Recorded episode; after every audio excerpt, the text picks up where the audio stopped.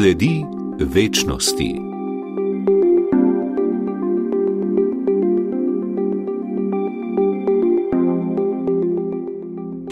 Drage poslušalke, spoštovani poslušalci, lepo pozdravljeni. Katoliška crkva v Sloveniji je ustanovila tri samostojna in neodvisna delovna telesa. Ta bodo skrbela za zaščito otrok, mladoletnih in ranljivih odraslih. Gre za dolgo pričakovani odziv katoliške cerkve v Sloveniji na pričakovanja vernic in vernikov, duhovnikov in redovnic, pa tudi laične javnosti, ne na zadnje svetega sedeža, da tudi katoliška cerkev pri nas, po vzoru drugih držav, razišče, razkrije razsežnosti spolnih zlorab, ki so jih storili duhovniki in redovnice nad otroki, mladostniki in drugimi odraslimi osebami, ranljivimi osebami. Ustanovitev treh samostojnih in neodvisnih delovnih teles, njihov način delovanja, zakaj šele zdaj, kdo so njihovi člani, bodo to res neodvisna telesa znotraj cerkve. Eh, znotraj crkvene strukture, pa tudi že prve bolj zadržane odzive na ustanovitev treh skupin, bo komentiral tiskovni predstavnik Škofovske konference, moralni teolog dr. Gabriel Kaučič. Gospod Kaučič, dobrodošli v oddaji Sledi večnosti. Dobrodan in hvala za vabilo. Začniva najn pogovor s prvim dejstvom, da ustanovitev treh delovnih teles ne spreminja postopka prijave in preiskave spolne zlorabe v katoliški cerkvi v Sloveniji. Drugače povedano, kdo je bil ali je v tem trenutku žrtev spolne zlorabe strani kogarkoli v cerkvi, v Sloveniji mora prijavo oddati najprej škofu. Tako je, ja, pravilno formulirano in eh, samo še dopolnim nekaj zadev. Rekli ste že uvodoma, da je zadeva dolgo pričakovana in je res dolgo pričakovana. Je pa res, da je tudi zato dolgo pričakovana, ker se eh, postopki pravzaprav so se izvajali redno, ažurno, eh, efektivno, tudi celo trdo, bo kdo rekel, ki od blizu zadeve pozna že do sedaj. Nove, nova delovna telesa, do tega še prideva, nimajo vloge sprejemanja prijav, ampak mora to po dokumentih svetega sedeža že do sedaj normalno funkcionirati in tako tudi je. Praktično povedano, ko gredo ljudje, lahko vsakdo opišče spletne strani šestih slovenskih škofij ali pa tudi sedmo stran bi bila stran slovenske škofovske konference. Najdejo na spletnih straneh vedno en tak zavihek, eno tako eh, slikico, ki je zelo opazna, kjer piše zaščita otrok in mladostnikov in pod to povezavo se skrivajo vse eh, potrebne, um, vse potrebni kontakti za prijavo vsakršne zlorabe. Um, torej, od tega ne sprejme torej direktno škof, ampak od njega pooblaščena oseba, lahko je to duhovnik, lahko je to tudi laik. Eh, tam je že zagotovljena tudi terapevtska služba, tam je že zagotovljeno vse, kar bi taka oseba potrebovala. Eh, seveda pa gre zadevo potem nemudoma pred škofa in se sproži postopek. Nova komisija bo v odnosu do te strukture, kar sem zdaj povedal, delovala tako imenovano drugo stopensko, se pravi, če bi se slučajno zataknilo, če žrtev ne bi bila zadovoljna, če bi um, tako imenovano vstopno škofijsko okence osebe tam ne bile prepričane, kako se v tem primeru reagirati, bo zato tukaj drugi organ nove, novega celostnega programa, ki ga zdaj predstavljava. Tako je. Torej, osredotočiva se na osrednjo temo tokratne oddaje Sledi večnosti, to je ustanovitev treh delovnih teles.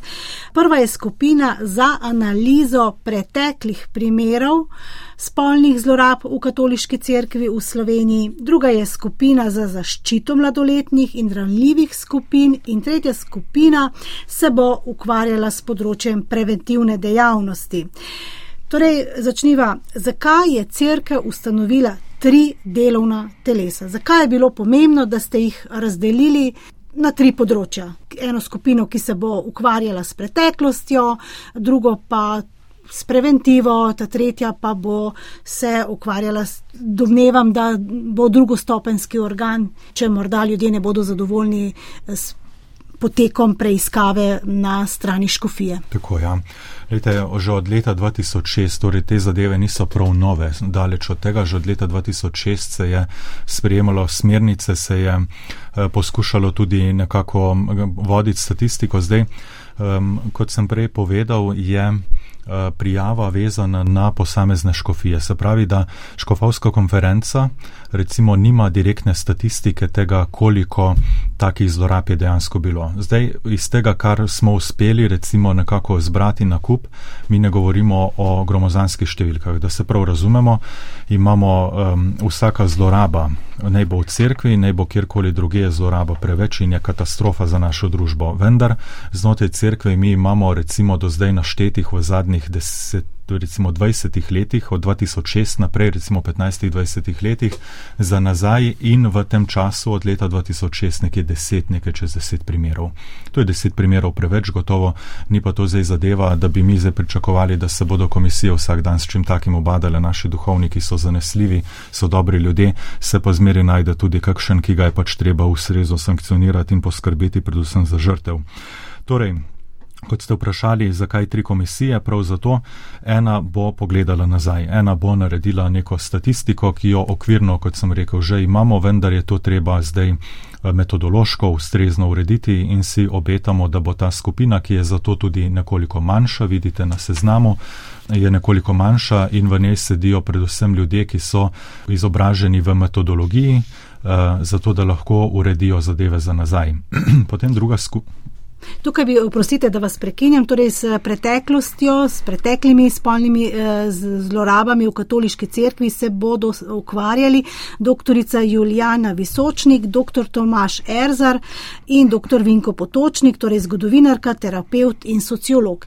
Ti bodo pregledali pretekle primere, pretekle eh, prijave. Tako in če lahko dodava že za to skupino, morda ne tako aktualno kot za ostali dve, se lahko, ker so to samostojne in popolnoma neodvisne skupine, se jim lahko pridružijo drugi člani. To je zdaj za začetek toliko, da imamo tri osebe, ki prevzamejo nekako odgovornost eh, in zadevo eh, spravijo na pot, potem pa po potrebi lahko dodajajo katerega koli strokovnjaka z tega ali javnega področja, ki bi ga potrebovali pri svojem delu. To velja predvsem verjetno za drugo pa tretjo skupino. No, pri prvi so zadeve relativno jasne, ko se bo gledalo v preteklost. Torej, če greva do druge skupine za zaščito mladoletnih in ranljivih oseb, če preberem člane, Alois Simončič, socialni delavec, Tamara Čopi, zdravnica, Ana Rožman, terapeutka, dr. Sebastian Valentan, cerkveni pravnik, potem je tukaj redovnica, sestra Polonca Majcenovič, terapeutka, dr. Gregor Rogel, cerkveni pravnik, dr. Matjaš Celarc, terapeut in duhovno spremljanje, je tudi teolog, potem je tukaj Karolina Rebrnik, terapeutka in še ena zdravnica je v tej drugi skupini, zdravnica Damjana Kožel kaj bo počela ta skupina? Torej, torej, um, kot eh, rečeno, gre za strokovno skupino za zaščito mladoletnih in ranljivih oseb. Um, in seveda imamo tukaj naloge te skupine, so, kot se vidi že iz nabora članov, se pravi terapeuti, socialni delavci, zdravniki, crkveni pravniki, uh, pa tudi civilni pravniki se bodo še dodali, tukaj še manjkajo, uh, in pa pedagogi, kot rečeno, skupina gre zdaj svojo pot od 1. marca naprej in bo seveda preverjala, posodabljala, prevajala in pripravljala dokumente za zaščito mladoletnih. Zdaj, crkva se je z vso paro zagnala v to, v to področje, zato imamo mi praktično na mesečni, dvomesečni ravni aktualizacije posodobitve. Eh, potem pa se da preverja. Na svetovni ravni se tako, na svetovni, tako, kar je treba, tako, kar je treba potem se da prevajati na nacionalni nivo. To bo zagotovo delo te skupine. Nadalje, preverjanje delovanja vseh eh, sodelavcev v tako imenovanih vstopnih točkah, kot so prej rekla, se pravi neke vrste drugostopenski organ v primeru, da na vstopnih točkah, na vstopnih okencih, kot mi temu rečemo, kaj ne bi bilo, kot bi mora biti, kar se sicer ne sme zgoditi, ampak imamo drugo stopno, kot vedno v civilni družbi, potem pa tudi izobraževanje, ozaveščanje verskih delavcev, Eh, kar je zelo širok pojem, tukaj govorimo praktično o vseh, od duhovnikov, redovnic, redovnikov, pa vseh zaposlenih v cerkvenih ustanovah, naprimer cerkvenih, eh, naprimer škofijskih gimnazijah. Ne? Tam so v bistvu eh, zajeti vsi, ker, ker, ker delajo nekaj, kar spada tudi deloma pod katoliško crkvo pa seveda svetovanje škofijam glede delovanja škofijskih referentov, ne, eh, svetovanje škofom, da bo, se bodo znali, ker nima vsak vseh znanj na tem svetu, je, je potrebno, da imamo skupino, ki to pozna in lahko svetuje vsakomor, ki ima kar, karkoli opraviti z zlorabami um, mladoletnih in ranljivih. Uh, in pa seveda uh, tudi um, vidimo, glede na prisotnost terapeutov, uh, se pravi tudi uh, takojšna pomoč v primeru, da je treba um, nekako še bolj pomagati ali pa dodatno pomoč ponuditi uh, žrtvam. In predstaviva še tretjo skupino, torej skupino preventivnih dejavnosti v prid mladoletnih in ranljivih oseb.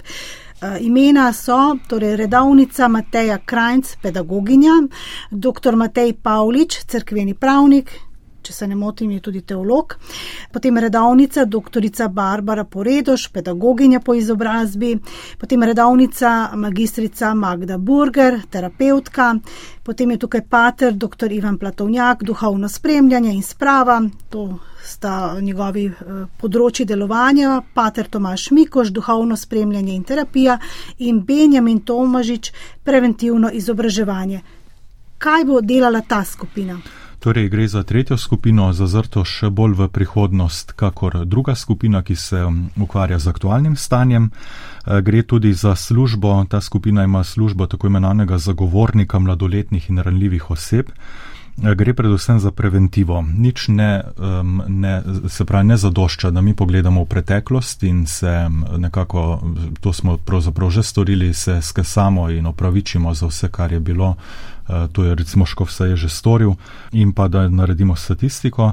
Tudi aktualno področje bo zdaj pokrito, kot se rekla, zdaj pride pa na vrsto preventiva. Eh, tukaj pa predvsem izobraževanje. Zopet imamo vse te naše crkvene strukture, od bogoslovnega semenišča, kjer se eh, izobražujejo bodoči duhovniki, vse do pedagoških delavcev na, na katoliških ustanovah um, in vsega skratka, kar je povezano z delom crkve z mladoletnimi ranljivimi. Želimo imeti nekaj ljudi, zato je ta skupina tudi malo manjša, recimo kot druga skupina, kjer so ljudje izobraženi, ustrezno usposobljeni za to, da izvajajo delavnice, da delujejo na področju preventivnega delovanja, da javno opozarjajo na tveganja v družbi, se pravi, tukaj tudi širimo mi, ne, ker crkva je ena redkih ustanov, ki se je striktno in jasno podala na um, pot samoočiščenja in zaradi tega se nam zdi primerno, da na tej naši poti ponudimo pomoč tudi drugim, se pravi, preventivno delovanje in tudi eh, opozarjanje na morebitne um, rizične situacije ali pa stanja tako v cerkvi kot v družbi. Uh, to bi bila recimo, to bi bile naloge te tretje skupine, aktualizacija dokumentov, tudi uh, ki prihajajo iz svetega sedeža uh, in pa izobraževanje na terenu. No, to bi bilo pravzaprav prav terensko delo, bo delo te tretje skupine. V odloku o ustanovitvi, ki ga je podpisal eh, dr. Andrej Saješ, Kof, novomeški in predsednik Slovenske škofovske konference, lahko preberemo, delovna telesa bodo opravljala zaupane naloge samostojno, strokovno, pravično in pregledno. Kako? Kritika je, kako bodo strokovna ta telesa, samostojna, neodvisna, ob tem, da prihajajo ljudje iz eh, crkvenih struktur so tako ali drugače povezani s katoliško crkvijo. Tako, lete, jaz bi tukaj opozoril na dve zadevi. Eno je to, da se bojo te skupine svoj, na svoji samostojni poti lahko še širile. To je zelo pomembno za razumevanje. Lahko kar po domače poveva v tako um, nekoliko manjši družbi, kot je slovenska družba, ne najdeš ravno za vsakim vogalom uh, strokovnjakov, spoh pa ne strokovnjakov, ki bi bili pripravljeni takole že od začetka sodelovati in obljubiti svoje sodelovanje v teh, v teh skupinah. Zaradi tega smo mi izbrali ta imena in sem vesel, da so jih danes tudi prebrala. Ki so pravzaprav vsako teh imen lahko, imen lahko poslušalci, poslušalke poguglajo, kot se reče, in bodo kmalo ugotovili, da so to ljudje z visoko integriteto in strokovnjaki na svojem področju, ki pa bodo od tega trenutka naprej samostojni in lahko dodajali medse druge člane po potrebi in sem pripričan, da se bo to tudi zgodilo. To je recimo en odgovor. Eh, drugi odgovor pa je, gledajte, to je pa vezano prav na katoliški pogled na človeka. Človek ni samo telo in duša, eh, človek ima tudi duhovno razsežnost in tukaj pa nekako ne popuščamo, v smislu, da eh, ko gre za duhovne, za, za, za spolne ali kakršne koli zlorabe, gre tudi za duhovni nivo. Posebej, če se taka zloraba zgodi v kontekstu katoliške cerkve, je vsakemu jasno, da gre tudi za napad na osebno vero. Pravzaprav gre za, gre za eh, potres, gre za podiranje duhovne strukture v človeku, zato mi nujno potrebujemo tam terapeute, terapeutke, ki imajo tudi nekako izkušnjo, izobrazbo tudi iz prav duhovnega področja. Zaradi tega je kar nekaj recimo redovnic ali pa naprimer dr. Platovnjak, ki to pokriva tudi na teološki fakulteti. Imamo pa recimo, ne bomo zdaj naštevali, ampak če bi šli pogledati ta imena, je varovalka tudi v tem, da so nekatera od teh imen že bila v preteklosti kritična do postopanja katoliške cerkve, eh, ko gre za področje zlorab eh, in prav zato sedaj so vključeni v to skupino, da so garant tega, da, bo, da se bo delalo kot je potrebno, brez kakršnega koli prikrivanja in da lahko tudi posamezen član, če želi stopiti v javnost, javnost in, in reče, tale skupina pa ne dela, kot bi morala. Komu bodo poročali, ali bodo sploh poročali, naprimer uh, Slovenski škofovski konferenci, torej zboru škofov, bodo poročali enkrat na leto v svojem delu? Tukaj načeloma je predvideno poročanje enkrat na leto in seveda bodo poročali tudi škofovski konferenci, ki pa ne bo tista, ki bi njihovo poročilo odobrila. Ne. Se pravi, komisija, vsaka od teh komisij bo poročala škofovski konferenci in javnosti. Tako da tukaj se ne bi smelo zatakniti tudi v tem smislu Eh, komisije popolnoma samostojne. Eh, nekateri pogrešajo, kritiki pogrešajo civilne pravnike, mislim, da ste že nekaj omenili na to temo oziroma povedali, potem eh, pedagoge, še koga. Ja, torej tukaj je, kot rečeno, začetek je, mi smo zdaj ta projekt nekako poslali na, na pot, kam bo, kam bo ta pot glede članov in ne članov peljada, pa bo zdaj odgovornost vsake skupine posebej. Eh, civilni pravniki bodo še vključeni in pa potem po potrebi tudi recimo kritika, ki jo lahko sam povem, je bila, um, da manjkajo žrtve, naprimer.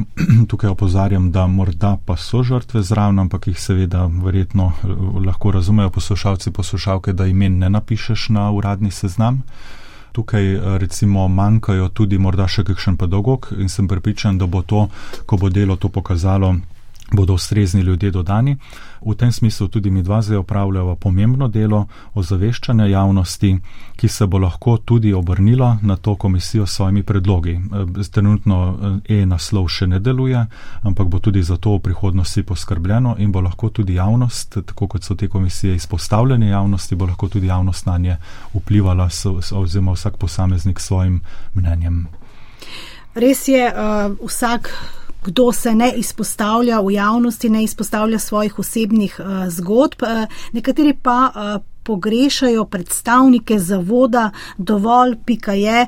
Ta zavod je v javnosti nastopil kakšnih šest let, sedem let nazaj, odločno s kritiko, da katoliška crkva v Sloveniji ne obravnava domnevnih spolnih eh, zlorab dovolj resno. Kako je z zavodom dovolj pika je in sodelovanjem, zakaj ni nobenega člana v teh eh, skupinah? Torej, to vprašanje bi bilo treba nasloviti predvsem na samo inicijativo, dovolj pika je, ker, um, če sem čisto iskren, jaz kot tiskovni predstavnik Škofovske konference nisem prepričan o stanju njihovega članstva. Um, drugače je pa delo je, civilne inicijative dovolj pika je bilo pomembno, je bilo tudi um, se pravi, predvsem za ozaveščanje javnosti, uh, zelo pomembno. Je pa res tudi to, da se je um, nekako na, prenapihnilo zadeve, vse tukaj je nekoliko bolj z osebnega stališča, tudi kot duhovnik katoliške crkve povem, se je zadeve tudi v medijih preveč napihovalo in zdaj smo tukaj, kjer smo, da zaradi številk in ena, še enkrat številka ena je preveč, ne. Um, pa tudi nerazumevanje v javnosti, da mi za nazaj zelo težko rešujemo te zadeve. Vsak civilni pravnik to ve, zastaralni rok in tako naprej. To so težke zadeve za nazaj reševati, da ne govorimo o tež, težini nedokazljivosti. Ne? In to nas stalno tepe kot družbo na vse, kar se dotika spolnega področja, je težko dokazljivo, žal. Ne? Predvsem pa mislim, no, da ta seznam, čisto iskreno rečem, ta seznam je ustrezen, so primerni člani, če bo potreba, pa naj se doda še, naj sami dodajo, seveda ti strokovnjaki tukaj pred nama na seznamu, naj, naj sami dodajo še eh, druge, ki bi bili primerni za to službo. Doktor uh, Gabriel Kavčič ob koncu kaj je vaša osebna želja na področju preprečevanja, odkrivanja domnevnih spolnih zlorab v katoliški cerkvi na slovenskem. Predvsem to, kar stalno povdarja tudi sveti oče Frančišek, da bi crkva res bila dom za vse, da bi se znebila vsake sence teh ostudnosti, ki se lepijo na nas v iz preteklih desetletij, da bi starši v miru in z velikim zaupanjem lahko pošiljali otroke k veruku in, in v vsakršno vzgojo, vzgojne programe katoliške cerkve, da bi tudi duhovniki v pastoralnem delu, tudi sam sem med tistimi, ki pravzaprav veliko časa svojega delovnega časa preživim med mladimi, da bi lahko v vsej dobrodušnosti in um, skrbi za mlade, ki te more prevevati kot vsakega pedagoga, eh, lahko opravljali svojo službo, brez da bi stalno nad nami visela eh, senca tega, kar se je dogajalo v zelo mehni meri pri nas, v zelo veliki meri pa drugot po Evropi, ne, kjer, kjer, je pa, kjer je bil pa šolski sistem povezan s cerkvijo in so se razni um, ljudje, da ne rečemo kakšnega neprimernega izraza, uh, v tihotapili v crkvene vrste in danes povzročajo uh, gromozanske statistike zlorab. Dr. Gabriel Kavčič, tiskovni predstavnik Slovenske škofovske konference, moralni teolog, z vašo željo končujeva tokratni pogovor v oddaji Sledi večnosti. Pogovor sem pripravila Nataša Lang, oddaja Sledi večnosti je že na spletni strani našega programa, najdete jo pa tudi na eh, spletni strani RTV 365.